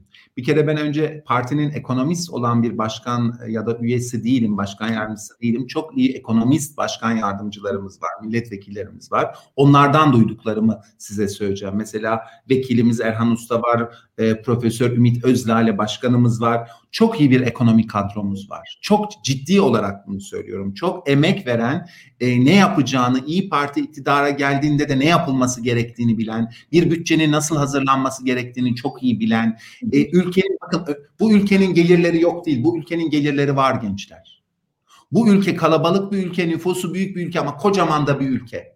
Tarım mı var? Efendim üç tarafı denizlerle çevrili çok güzel bir e, şeyde coğrafyada çok önemli e, güçleri var ve insan gücü var. Yeter ki bunu iyi bir şekilde kullanılabilsin. İktisat politikaları, ekonomi politikaları halkın lehine hazırlansın. Bakın 2020 yılında 1 milyar 950 küsür milyar bu ülkenin e, kasasına geliri girmiş. Ülkenin geliri 1 milyar 950 küsür milyar. 6 milyarı geçen Mart'tan beri sadece e, şeylere, vatandaşlara pandemi nedeniyle yardım olarak dağıtılmış. 2 milyarda İBAN'dan gelen paralar. Hani İBAN aç, istedi ya sonra da e, Ekrem İmamoğlu'na toplattırmadılar. CHP'li işte e, şeylere e, belediyelere toplattırmadılar. Kıyameti kopardılar falan. İBAN 2 milyar. 6 da devletten çıktı 8 milyar. Sadece 2020 yılında hani şu çok meşhur 5 tane müteahhit var ya çok sevdikleri. E, o müteahhitleri de şöyle söyleyeyim araştırma yapılıyor. Dünya Bankası araştırmasına göre şu son 5 yılda en fazla dünyadaki e, şey alan, ihale alan 10 tane bütün dünyadaki 10 şeyden firmadan 5 tanesi bu bizim 5 e, müteahhit biliyor musunuz? Bütün dünyada son 5 yılda en fazla ihale alan 10 firmanın 5'i bizimkiler. Bir tanesi ikinci hatta. Nereden aldılar? Hepsini Türkiye Cumhuriyeti'nden aldılar. İşte bu 5 müteahhitin iki tanesinin affedilen vergi borcu 13 milyar küsür. Yani biz kocaman Türkiye Cumhuriyeti'nin vatandaşları 83 milyon 83 milyon adamın değeri iki tane müteahhit kadar edemedi. Onların yarısı kadar bize yapılan yardım. Onların 13 milyarı kesiliyor bizim 6 milyarımız kesiliyor. 6 milyar bize veriliyor. Pandeminin en başında Sayın Genel Başkan dedi ki bütün dedi esnafa beşer bin lira verin 15 gün kapatın. Daha en başında Mart ayında yapmadılar. Aç kapa aç kapa. Ne oldu? Şimdi hafta sonları kapatıyorlar. Kapatıyorlar mı? Hayır. Polisler diyor ki aman dokunmayın kimselere fazla. Ortalık insan kaynıyor. Bu ne biçim bir kapatma? Ne pandemi doğru dürüst şey yapılabildi. Yani e, pan, bu pandeminin bir ekonomik boyutu var, bir sağlık boyutu var. Sağlık boyutu ayrı, Ekonomi boyutu ayrı. Ekonomi boyutu felaket. Felaket. Esnafların burasına geldi. 500 lira yardım yapıyorlar ya kira yardım. Geçenlerde şeyde dolanıyoruz e, avcılarda adam diyor ki benim kiram diyor küçücük dükkan benim kiram 15 bin lira diyor. 500, 500 bin lira ben ne yapayım? Bir tek diyor hafta sonu satış yapabiliyoruz onda da kapalıyız. Bütün bütün esnaflar borç içinde. Dedi ki İyi Parti bütün esnafların 2020 şeylerini e, nedir o vergi borçlarını affedin. Devlet affetsin. Bankalardan aldıkları kredilerin faizlerini silin. iki yıl öteleyin. Ama hiçbirine uyulmadı. 3 bin lira biz iyi e, şey dedik asgari ücret dedik. Niye iyi? Çünkü bu iyi asgari ücretle hesaplamalara göre bir buçuk milyon insan istihdama kazandırılacak. Şimdi şöyle söyle. Esnafa da yük ol, çalışana da çalıştırana da yük olmayacaktı. Çünkü onun e, e, vergisini, sigortasını devlet yüklenecek. Bunlar vatandaş düşünmüyor. Bunların tek derdi kendisi. İyi Parti göreve geldiği zaman şu 5 milyarın sadece Osman Gazi Köprüsü'nden 2035 yılına kadar 16 milyar küsür dolar para vereceğiz geçmeyen yollardan Konya'daki vatandaşlar, Hakkari'deki vatandaşlar Osman Gazi Köprüsü'nü ya da İzmir otobanını belki hiç görmeyecek ya da bir kere geçecek ama vergilerinden kesilecek. Pazarda göya enflasyon yüzde on beş. Hadi canım sen de. Enflasyon yüzde elli bile, ellisi bile az. Vatandaş inanıyor mu bunlara? Hayır inanmıyor. Ama TÜİK de doğruları söylemiyor. Hiç kimse doğruları söylemiyor. Bir yalan içinde yaşıyor. İktidar bir yalan içinde yaşıyor. Bu kadar basit. Bu ekonomi e, bakın insanlar bıktı bıktı. 1300 lirayla yaşıyorlar pandemiden beri. 1300 lira alıyorlar 1380 lira mı ne? Evlerinde işten de çıkarılamıyorlar tazminatlarını da alamıyorlar. Emekli olacaksa emekli maaşını da alamıyor 1300 yahu ayıptır ne yiyip ne içecek bu insanlar? İnsan mama çocuk maması ya çocuk mamasının kilit altına alındığı nerede görülmüş ben daha ne diyeyim? Ama İyi Parti son derece etkin ekonomik çözümleri var. Bu mil önemli olan bütçeyi yaparken milletin lehine hareket etmek. Milletin lehine hareket edeceğiz. Eşitçe paylaşacağız. Herkes de Allah'ın izniyle yüzü gülecek yüzü. Biz insanların şu artık gülmeyen yüzlerini güldürmek için geliyoruz. Bunun da altını çizeyim. Ee, çok teşekkürler Bahadır Hocam. Ee, bu seferki sorum 7 dakikalık bir soru olacak. Ee, Selahattin Demirtaş, HDP eski genel eş başkanı Selahattin Demirtaş ve 2018 Cumhurbaşkanı adaylarından Selahattin Demirtaş uzun süredir tutuklu olarak Edirne cezaevinde ve Avrupa İnsan Hakları Mahkemesi Selahattin Demirtaş'ın uzun tutukluluk süresi hakkında bir ihlal kararı verdi ve bu kararın Türkiye'de bağlayıcı olup olmadığı tartışıldı. Bu karar uygulanmış Demirtaş'ın serbest kalıp kalmaması konusunda Türkiye'de bir kamusal tartışma yürütüldü. Ee, İyi Parti Genel Başkanı Akşener bu hafta katıldığı bir televizyon programında Demirtaş'ın terörle iç içe olduğunu ve fakat e, hızlı bir yargılama ve objektif bir yargılama sürecinin bir an önce tamamlanması gerektiğini söyledi. Hemen akabinde de HDP'nin kapatılması söz konusu olduğu durumda İyi Parti'nin henüz bunu konuşulmadı ama İyi Parti milletvekillerinin buna evet diyeceğini, bunu destekleyebileceğini söyledi. Benim sorum şu, siz de bir e, hukukçu olarak katıldığınız bir televizyon programında Demirtaş'ın kişiliğinden bağımsız olarak ayın kararlarının hukuken bağlayıcı olduğunu belirttiniz ve Demirtaş'ın serbest bırakılması gerektiğini hukuken belirttiniz. Siz HDP'nin kapatılması eğer partiye gelirse, parti bu konuda bir görüş beyan ederse İyi Parti Hukuk ve Adalet Politikaları Genel Başkanısı olarak HDP'nin kapatılması konusunda partinin yapması gereken şeyin ne olacağını söyleyeceksiniz. İkincisi Demirtaş ve AHİM kararı konusunda bu platformda da görüşünüzü açıklamanızı aslında sizden rica ediyoruz sizin için uygunsa ve e, Akşener'in açıklamalarının hakkında da ne düşünüyorsunuz bu yargı süreciyle alakalı? Ee, Yunus Emre, Sayın Genel Başkan çok açık konuştu. Çok net bir insan Sayın Genel Başkan. Çok benzer olduğumuz bir taraf var. Ben de çok net bir insan. Ben açık konuşurum. Kimseden de korkmam. Hele de hukukçu olarak hiç korkmadım. Bugüne kadar korkmadım. Bundan sonra da hiç korkmam. Hele de İyi Parti'nin bir ferdi olarak, başkan yardımcısı olarak benim genel başkanım korkmazken ben hiç korkmam. Size şu kadarını söyleyeyim. Şimdi e, şöyle bir sistem var. Şöyle bir oyun yapıyorlar. E, ittifaklar rejimini kurdular. İttifaklar rejiminde de yüzde elli artı biri sağlamak zorundalar. Yüzde elli artı biri sağlamak için düşman yaratmaları lazım. Düşman yaratırken kendileri iyi, karşısındaki herkes düşman. Bunları düşmanlaştırmak için çeşitli kavramlar var. Bir tanesi mesela kadın hakları. L, efendim LGBT, e, terörizm, e, HDP, Selahattin Demirtaş, Osman Kavala, işte şey e, Enes Berber, Enis Berberoğlu, yok şey e, Boğaziçi. Yani bütün bu kavramlar sadece ve sadece karşı tarafı halkın gözünde kötüleştirmek, terörist ilan etmek için ortaya konulan oyun bu, oyun. Çok basit bir oyun yapıyorlar bunlar. Bakın ben televizyon programında açıkça diyorum ki efendim ahim kararları bağlayıcıdır. Genel baş e, say, e, Sayın Cumhurbaşkanı'nın e, şeyi hukuk e, danışmanı yanılmıyorsam baş danışmanı Sayın Mehmet Uçum kendisi hukukçu diyor ki ahim kararları yönlendiricidir. Bunu eğer biz İstanbul Hukuk Fakültesindeki öğrencilerimize soru olarak sorsak ve bu cevabı verseler bu öğrenciler o sorudan sıfır puan alıyorlar. Çünkü ayın kararları bağlayıcıdır. Kendileri nitekim Sayın Cumhurbaşkanı kendisine yapılan haksızlık zamanında da AİM'e başvurmuştur. Sayın Abdullah Gül eski Cumhurbaşkanı'nın eşi kendisi başörtüsü yasağından dolayı AHİM'e başvurmuştur. Demek ki AHİM bir haksızlık olduğunda herkesin başvurduğu bir şeydir, kurumdur. Türkiye Avrupa İnsan Hakları Sözleşmesi'ne taraftır. Ahim kararlarını uygulayacağını da yine bu, bu hükümet koymuştur ortaya. Ama sırf o için ve hukuku söyleyenleri terörist ilan etmek için bu oyunu ortaya koyuyorlar. Bana saldırdılar ya bugün de hala saldırıyorlardı. Ben sana söyleyeyim. Efendim bu 13 tane şehit verdik ya bugün. Yani bununla ilgili ben tweet'i geç atmışım. Sanırsın ki yani tweet'i atmanın bir saati var ve çok özür diliyorum ama tweet atınca sanki biz o şehitlerimizin acısına ortak oluyoruz.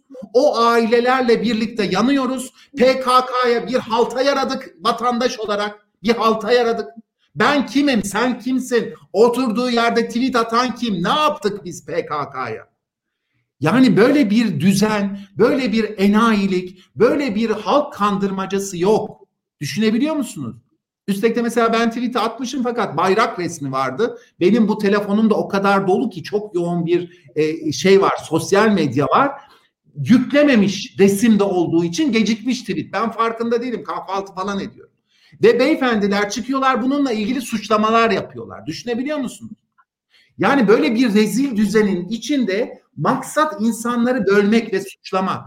Sayın Genel Başkan çok açık söyledi. Bakıldığı zaman dedi Sayın Selahattin Demir Selahattin Demirtaş'ın dedi e, terörle dedi iltisaklı olduğu görünüyor dedi.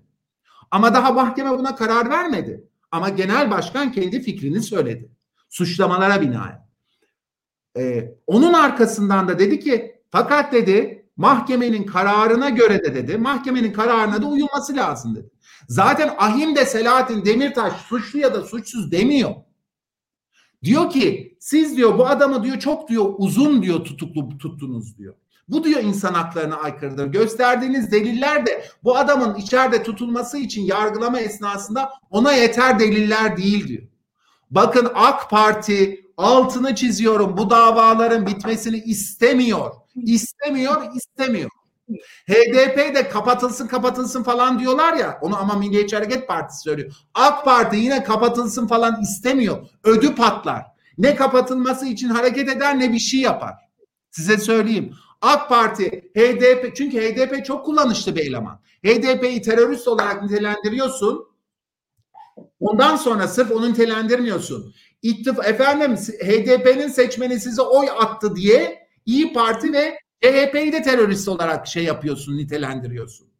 Bir de suçluyorsun. Olmadık şeyler uyduruyorsun. Vay siz CHP, HDP, şey CHP, İyi Parti, HDP, Saadet Partisi birlikte anayasa yaptı. Yapmadık diyor ya herkes. Yapmadık. Yok böyle bir şey. Düşünebiliyor musunuz? Yani böyle bir şey olabilir mi? Şimdi bunlar bizleri efendim göya teröristle suçluyorlar ya hadsizce. Ama ne yapıyorlar? İstanbul oyunda oy için oy. İstanbul'un ikinci seçimlerini kazanmak için APO'ya adam yolluyorlar İmralı'ya. Terörist başına bebek katilinin mektubunu okutturuyorlar. 10 gün önce seçimden. APO'nun kar terörist başının kardeşi terörist Osman Öcalan'ın ayağına Anadolu Ajansı yolluyorlar. İki hafta evvel Osman Öcalan yine dedi ki Cumhurbaşkanı danışmanlarıyla birlikte ne yapıyoruz? Görüşüyoruz dedi. Siz ne diyorsunuz be? Sizin haddinize mi bizlere terörist falan demek? Siz terör başıyla görüşüyorsunuz. Bunlar HDP falan kapatılsın istemez. Şimdi şu kadarını söyleyeyim. Hukukçu olarak söylüyorum. HDP, Sayın Cumhurbaşkanı diyor ki HDP teröristtir. Ee, İçişleri Bakanı diyor ki HDP teröristtir. Milletvekilleri diyor ki HDP teröristtir. HDP'nin bilmem kaç tane e, belediye başkanını almışlar kayyum atanmış. Bütün milletvekilleri hakkında fezleke var. Eğer HDP teröristse sevgili gençler bunun delili sizde mi olacak, bende mi olacak, sokaktaki vatandaşta mı olacak yoksa Milli İstihbarat Teşkilatı başında Sayın İçişleri Bakanı'nda, Sayın Başsavcı'da, Emniyet Genel Müdürlüğü'nde mi olacak? Yani devlette mi olacak? Öyle değil mi? Eğer HDP teröristse siz neden bunca zamandır HDP kapatılsın diye dava açmıyorsunuz? Siz o zaman görev suçu işliyorsunuz. Eğer açmıyorsanız o zaman bütün bu amcamlar doğru söylemiyor. Demek yani savcıya görev suçu işliyor. Yahut da bu insanlar doğru söylemiyor. Bunun var mı üçüncü bir alternatifi? Var mı bir açıklaması? Evet var. Oy. Oy için oynanan oyunlar. Oy için oynanan oyunlar. Bakın HDP'ye açılırsa şey kapatma davası. Ben hiçbir zaman hiçbir partinin kapatılmasını savunan bir hukukçu olmadım. Girin ekşi sözlüğe AK Parti'nin kapatılma davası açıldığı zaman söylediğim lafla başlar. Biz e, parti kapatan savcılar yetiştirmiyoruz der Bahadır Erdem der. Ancak Venedik kriterleri bile ne diyor Batasuna kararında? Eğer bir partinin varsa diyor terörle iltisakı o zaman kapatırsın. E bunu karar verecek olan kim? Mahkemeler. Bana ne diyorlar programda biliyor musun? Milliyetçi Hareket Partisi'nden bir arkadaşımız çıkmış ya da onun savunucusu eski il başkanı falan. Diyor ki arada hocam diyor niye diyor İyi Parti diyor şey yapmaya imza imza toplasanız da kapatılması için. Evladım dedim siz ortağısınız şeyin nedir o ee, e, AK Parti'nin siz toplayın şey siz başvursanıza. E yok biz yapamayız çünkü zaten MHP Kürt düşmanı gibi görünüyor üstümüze kalır.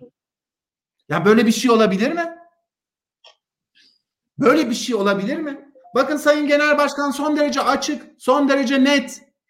Sayın Genel Başkan'ın Selahattin Demirtaş'ı kahvaltı bilmem nesiyle ilgili gayet söylediği insani ve doğru şey. Doğu Anadolu'da kapınıza gelen kan düşmanınız bile kapıya gelirse onu içeri alırsınız bir kahve ikram edersiniz. Sağ salim bir zarar vermeden misafirinizi ağırlarsınız. Kan davanızda devam ederse eder diyor. Daha ne desin bu insan? Hayır. İlla ki onların istediğini söyleyecek. İlla siz kimsiniz? Siz kimsiniz ki biz sizin istediğinizi söyleyelim? Bu hadsizlik yeter yeter. Millete karşı yapıyorlar bu hadsizliği. Millete karşı yapıyorlar bu hadsizliği. Çünkü biz milletin oy verdiği partileriz. O Meral Akşener ki kapı kapı geziyor, sokak sokak. Ne pandemi dinliyor ne bir şey insanları dinliyor. Dolayısıyla söylemek istediğim şey yeter. Artık herkes haddini bilsin. Millet bu oyunu çok iyi gördü arkadaşlar. Evet. Çok teşekkür ederiz cevaplarınız için. Eğer sizin ben... için uygunsa çok kısa, birazcık daha tansiyonumuz yükselmişken birazcık daha konuyu değiştirmek için çok kısa üç tane sorumuz olacak size. Peki, peki. İlk soru benden geleceğiz. Aslında çok kısa bir soru. Ee, hem bir akademisyen olarak öğrencilerle çok yakınsınız zaten hem de sosyal medyayı çok efektif ve çok aktif kullanıyorsunuz. Burada da aslında genç nesille yakın olma fırsatını yakalıyorsunuzdur diye düşünüyorum. Şu sıralarda da aslında herkesin konuştuğu bir Z kuşağı var. Z kuşağını anlamak. Z kuşağı bunu istiyor. Z kuşağı şunu istiyor. Ama sadece bir kelimede kalıyor aslında bütün siyasilerin ya da bütün sanatçıların ağzında. Z kuşağı öyle, Z kuşağı böyle diye. Ben size sizin Z kuşağınız kimdir? Siz Z kuşağını kimler olarak tanımlarsınız ve bu Z kuşağına ulaşmak için ne yapmak gerekir sizce? Z kuşağı benim ortamda ve küçük kızım ve benim öğrencilerim. Ben her sene ama her sene karşımda bin tane eskiden 1500'lü öğrenci görüyorum. Hepsi en fazla 21 yaşında. 21-22 yaşına gelmiş. Her 5 yılda bir nesil yetişiyor. Ben çok şanslıyım. Hoca olmak büyük bir şanstır. Hele de İstanbul Hukuk Hocası olmak bir onurdur. Bir gururdur. Ben hiçbir zaman işimi iş olarak görmedim. Dünyanın en büyük nimeti olarak gördüm bana. Ben öğrencilerden besleniyorum. Öğrencilere anlattığımdan daha fazlasını öğrenciler bana veriyor. Ben dünyanın en şanslı adamıyım ki hoca oldum. İstanbul Hukuku hoca oldum. Z kuşağının istediği tek şey kendilerinin dinlenmek. Z kuşağının Z kuşağı hiçbir şey dikte edilsin istemiyor. Z kuşağına biz güneş her gün doğudan doğar desek de Z kuşağı bunu böyle öğrenmek istemiyor aslında. Z kuşağı araştırıyor. Gerçekten güneş doğudan mı doğar? Yahut da Z kuşağı bu ülkedeki saçma sapan kavgalarla hiç ilgilenmiyor. Okyanustaki balinaların efendim çiftleşmelerindeki sorunlarla ilgilenebiliyor. Z kuşağında bir LGBT üyesi yanında efendim Hak, e, Hakkari'den gelmiş bir işte Kürt arkadaşı onun yanında da e, bir e, türbanlı arkadaş hep beraber hayatta oturuyorlar ekolojik dengeden tartışıyorlar bahsediyorlar. Z kuşağı şimdiki Z kuşağı bizden akıllı akıllı bir kere bunu anlayacağız. Z kuşağı çünkü bu, bunu çok doğal bir şey. Niye? Çünkü 21. yüzyılda siz buna doğdunuz. Bak bizim var mıydı böyle bir şey? Ben şöyle söyleyeyim bilgisayarı ilk defa 1995 yılında aldım. 96 yılında aldım. Doktoramı yazıyordum. Kocaman bir masaüstü bilgisayar. Onu da daktilo olarak kullandım. Şimdiki Z kuşağı buna doğuyor. Bir şey olduğu zaman gel Mina diyorum, gel Pınar diyorum, gel öğrencim, sekreter. Yani şunu söylemek istiyorum. Z kuşağı dediğiniz şey bu ülkenin geleceği. Z kuşağı işte bizi anlayın bizi anlayın falan diye de ortada dolanmıyor ha. Bu sadece bizim kendimize paye vermek için ortalıkta dolandığımız bir şey. Sanatçısından siyasetçisine çok hat bir konu bu. Yani çok seksi bir konu. Ay ne güzel Z kuşağından da bahsedersek ne kadar da çağ yakaladık falan oluyor. Anlatabiliyor muyum? Z kuşağının bunlarla bunlar da umurunda değil Z kuşağının. Z kuşağının istediği ve görmek istediği tek şey samimiyet, samimiyet. Gerçeklikle ilgileniyor Z kuşağı. Benim Z kuşağıyla aramın iyi olduğunu düşünüyorum çünkü ben rol yapmıyorum. Ben neysem oyum. Ben neysem o Bahadır Hoca'yım, neysem o siyasetçiyim. Siyaset bana alışsın. Ben kendi partimin bütün politikalarına sonuna kadar bağlıyım. Her türlü ama siyaset de bana alışacak arkadaş. Bu kadar. Ben neysem oyum. Z kuşağının da istediği bu. Gerçeklik ve samimiyet. Rol yapılmasını istemiyor. Ha, bunun ötesinde bilmiyorum. Z kuşağı kendi biliyor ne olduğunu. Ee, Bahadır Hocam ben kongreleri siyasi parti kurultayını çok yakından takip ediyorum ve partiye kimler katılmış katılmamış gayet benim hobimdir bu. Ee, sizin İyi Parti kurultayında e, bu sene düzenlenen kurultayda katıldığınızı öğrenince yakın çevrem dedim ki Bahadır Erdem'in hani İyi Parti'ye katılması büyük bir olay Türkiye siyaseti. Çok da e, ismi konuşulacak, çok büyük bir etkisi olacak dedim ki bugün de bunu bir daha anladık. Şeyi çok merak ediyorum ama. İyi İsmini Parti gerçekten çok konuşuyorlar. Biraz az konuşsalar iyi olacak Yunus Emre. İllallah dedirdiler yani. Anlatabildim Hani bazen bir burama geliyor. Bak bugün mesela burama gelen günlerden bir girişeceğim, pir girişeceğim. Yani benim bir deli tarafım var. O deli tarafımı attıracaklar bir gün. Orada görecek. Z kuşağı da görecek. Bahadır Hoca nasıl bir deli. Evet. Ya, o anlamışlardır diye düşünüyorum bu programda ama yani iyi anlamda da çok konuşulacağını e, hep o günlerde söylemiştim. Ya şimdi şeyi merak ediyorum ama İyi Parti'ye neden katıldınız ve o katılma sürecinizi çok merak ediyorum. Çünkü hiç kulislere yansımadı, hiç bunun haberi yapılmadı. Bir gün önceden Twitter'da sadece konuşuldu ve çok da insanlar hani e, şaşırmadı belki ama ne nasıl olduğunu, nasıl bu sürecin işlediğini merak etti. Bunu da konuştuğunuzu çok hatırlamıyorum. Bunu sormak istiyoruz. Bahadır Erdem neden İyi Parti'ye katıldı ve nasıl bu süreç işledi? İyi Parti'ye tamamıyla Sayın Genel Başkan olan büyük büyük güvenim ve büyük hakikaten hayranlığımla katıldım. Şu kadarını söyleyeyim ben Sayın Genel Başkan'ın çok cesur bir insan olduğunu düşünüyorum. Çok samimi bir insan olduğunu düşünüyorum ve Türkiye için çok gerekli bir insan olduğunu düşünüyorum. Hiçbir diğer siyasi parti başkanına benzemiyor. İnsan insan en önce insan. Ee, onun çağrısıyla onun davetiyle katıldım. E herhalde ben de teşneymişim yani siyasete girmeye. Sonuç itibariyle biliyorsunuz 6 seneden beri televizyonlarda tek başıma bir tüfek hukukçu olarak e, konuşup duruyorum. Hiç kolay değil, çok zordu. Yani onu ifade edeyim. Hayırı savunmak, devamlı muhalif fikirleri savunmak ama ben hep neye inanıyorsam onu söyledim. Bu son derecede Türkiye'de zordu, zor bir dönemdi. KHK dönemlerinde çok zor bir dönemdi. Sayın Cumhurbaşkanı'ndan laf işittim. Ben de çok doğru bir şey söylediğim için.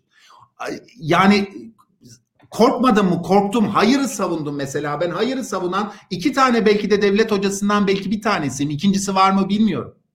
Hukukçu olarak. Anayasacıların hiçbirisi ortada yoktu. Hepsinin ödü patladı. Kimler konuşuyordu? Evet'i savunanlar konuşuyordu. Zaten hepsi ya rektör oldu ya dekan oldu ya eski yani anlatabiliyor muyum? Hep dolayısıyla hiç kolay değil. Ben cesurdum. İyi Partililerde iyi ve cesur. İlk İyi Parti kurulmuş. Ben İyi Parti'nin çok gerekli olduğuna inanıyorum Türkiye'ye. İyi Parti kurulmasaydı şu anda biz hala AK Parti'nin har har har har har e, CHP'yi suçlamaları ve CHP'nin de gayri ihtiyari ve insiyaki olarak hayır ben öyle değilim ben böyle değilim diye savunmasını görürdük. İyi, dolar 15 lira da olsa 128 milyar değil eksi 228 milyar dolara da gelse şey nedir o Merkez Bankası hiçbir şey değişmezdi. İyi Partililer, iyi ki bu partiyi Sayın Genel Başkan'la birlikte kurdu. Ben Türkiye'yi bu çıkmaz sokakta İyi Parti'nin çıkaracağını bildiğim için girdim. Sayın Genel Başkan'a itimadım, emniyetim ve sevgimden dolayı girdim. Ee, ve gerçekten de bu kadar bak çok saldırıyorlar. İnanın gençler bir dakika niye girdim demiyorum. Niye biliyor musunuz? Ben girmeyeyim de bütün bu saldıran kötülere kalacaksa bu siyaset ve bu Türkiye iyi ki girmişim diyorum. İyi ki. Sonunda iyiler kazanır. Çok kısa söyleyeceğim. Ben hayatım boyunca anamdan öğrendim bunu. Anamın tek oğluyum, tek çocuğum ben. Anamdan babamdan öğrendim. Hep bana şunu öğretildi. Bu dünyada da öbür dünyada da hep iyiler ve iyilik kazanır. Ben bunu bütün derslerimde söylerdim. Öğrencilerim bilir. Tweetlerde yılda 2-3 kere atarım. Gençler hiç korkmayın. Her zaman sonunda bu dünyada da ahirette de iyiler ve iyilik kazanır. Eşkıyadan dünyaya hükümdar olmaz derim. 10 senedir Twitter'ı açtığından beri Allah bana iyi parti nasip etti. Bu da çok enteresan geliyor bana onu da söyleyeyim. Ama iyi ki girmişim. Bu hadsizlere de haddini bildireceğime emin olabilirsiniz Allah'ın izniyle. Ee, Sayın Genel Başkan'ın şeyiyle, liderliğiyle ve arkadaşlarımın e, büyük çabası ve şeyiyle, ferasetiyle. Öyle. Benim için de sürprizdi yalnız girmek. Bir haftada oluştu onu söyleyeyim. Bir haftada. Bir cumartesi günü telefon, öbür pazar kongre.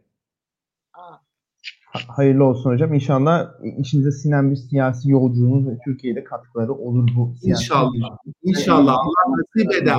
Yani bu ülkeye faydalı olmayı inşallah böyle haddini bildirmek falan diyorum. İnanın çok kötü bir düzeni getir. Çok kötü gitsin istiyorlar bu ülke.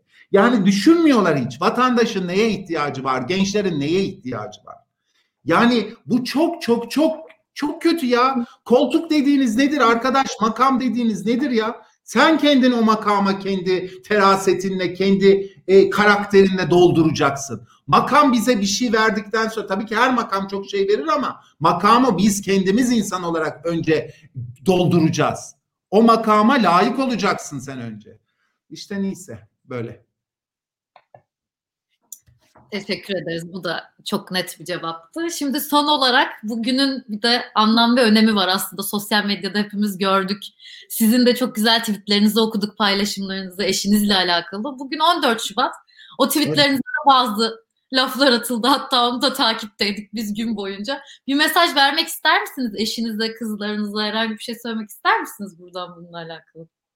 Şöyle söyleyeyim ben eşimi 17 yaşında İstanbul Üniversitesi'ne ilk gün ilk ders gördüm yeni amfide. Yanıma bir kız oturdu. Başımı çevirdim ve dedim ki hmm, çok tatlı bir kız dedim. İlk duygum buydu. Ve o duygu Allah'a şükürler olsun. Binlerce kere şükürler olsun. Maşallah ve maşallah ki bunca senedir hiç değişmedi. Benim eşim çok güçlüdür, çok dirayetlidir, çocuk yüreklidir. Benim eşim benim her türlü zor günümde, her türlü iyi günümde yanımda olmayı bilen bir insandır. Üç evlat vermiştir. Allah'a hayatta herkese yanında duracak, beraber bu hayattan zevk alacak, hayatın iyi gününde, kötü gününde hayata emek verecek bir eş diliyorum. Eşime minnettarım. Evlatlarımı bana verdiği için minnet. Allah'a minnettarım. Ben 17'lik yarim derim eşime. Tam kaç senedir 37 yıldır 17'lik yarim derim. Benim için hiç değişmedi. O ilk yanıma oturduğu gün gibi benim eşim gözümde. Şunu söylemek istiyorum ki insanlar yüreklerini biraz temiz tutsunlar. Önce insan olsunlar. Önce kendilerini sevsinler. Sevgililer günü dediğiniz şey önce insan kendinden mutlu, kendini sevmeyen birisi olursa başkalarını da sevemez. Başkalarını da sadece ve sadece e, rahatsız eder. Başkalarını da üzer. Kendimizi sevelim. E, eğer bir eşimiz varsa ne mutlu onu sevelim ama bencilce sevmeyelim. Bencilce değil. Kendimiz için değil, önce onu onun için sevelim. Ee, evlatlarım, üç kızım Allah'ın en büyük nimeti Allah esirgesin. İyi yazılar yazsın hepinize gençler. Allah yolunuzu, bahtınızı, şansınızı açık etsin. Ee, ne diyeyim ki başka? Ee, başka bir şey söylemeyeceğim. Herkes, herkes yüreği kadar konuşur. Herkes gönlü kadar konuşur. Herkese önce güzel bir yürek nasip etsin Allah. Olmayanlara da Allah yardım etsin diyorum. Başka da bir şey demiyorum. Çok sağ olun hocam. E, programımızın sonuna geldik. Çapraz Ateş'te biz e, toplumdaki önde gelen isimlere, siyasetçilere, akademisyenlere, gazetecilere zor ve aslında orijinal sorular sormaya çalıştık.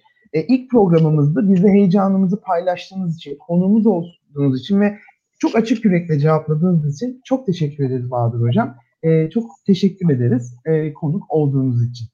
Ben de size sözünüz varsa ardından da programı kapatabiliriz. sizlerle gurur duyduğumu ifade edeyim. Karşımda iki tane pırıl pırıl Türkiye'nin geleceği olan insanlar var. E, Sevgili Yunus Emre seni hayret ettim yani seni gördüğümde bu nereden çıktı dedim çok açık. Bu da nereden çıktı dedim. Kim ki bu dedim küçücük bir çocuk nereden biliyor bütün bunları dedim. Nereden biliyor? Eskilerin bir lafı vardır akıl yaşta değil başta derler. Karşında pırıl pırıl e, pırıl pırıl pırılı görüyorum şu anda. Onunla tanıştım. E, e, çok memnunum sizinle birlikte olduğumdan dolayı. Teşekkür ediyorum davetiniz için ve bu güzel program için.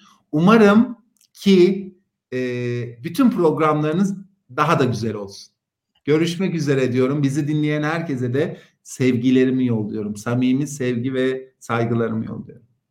Çok, Çok teşekkür ederiz gerçekten. Enerjinizle enerji kattınız ve çok enerjik başladık sayenizde. Çok teşekkürler. Çok sağ olun. Ben teşekkür ederim kızım. Sağ ol. Sağ ol.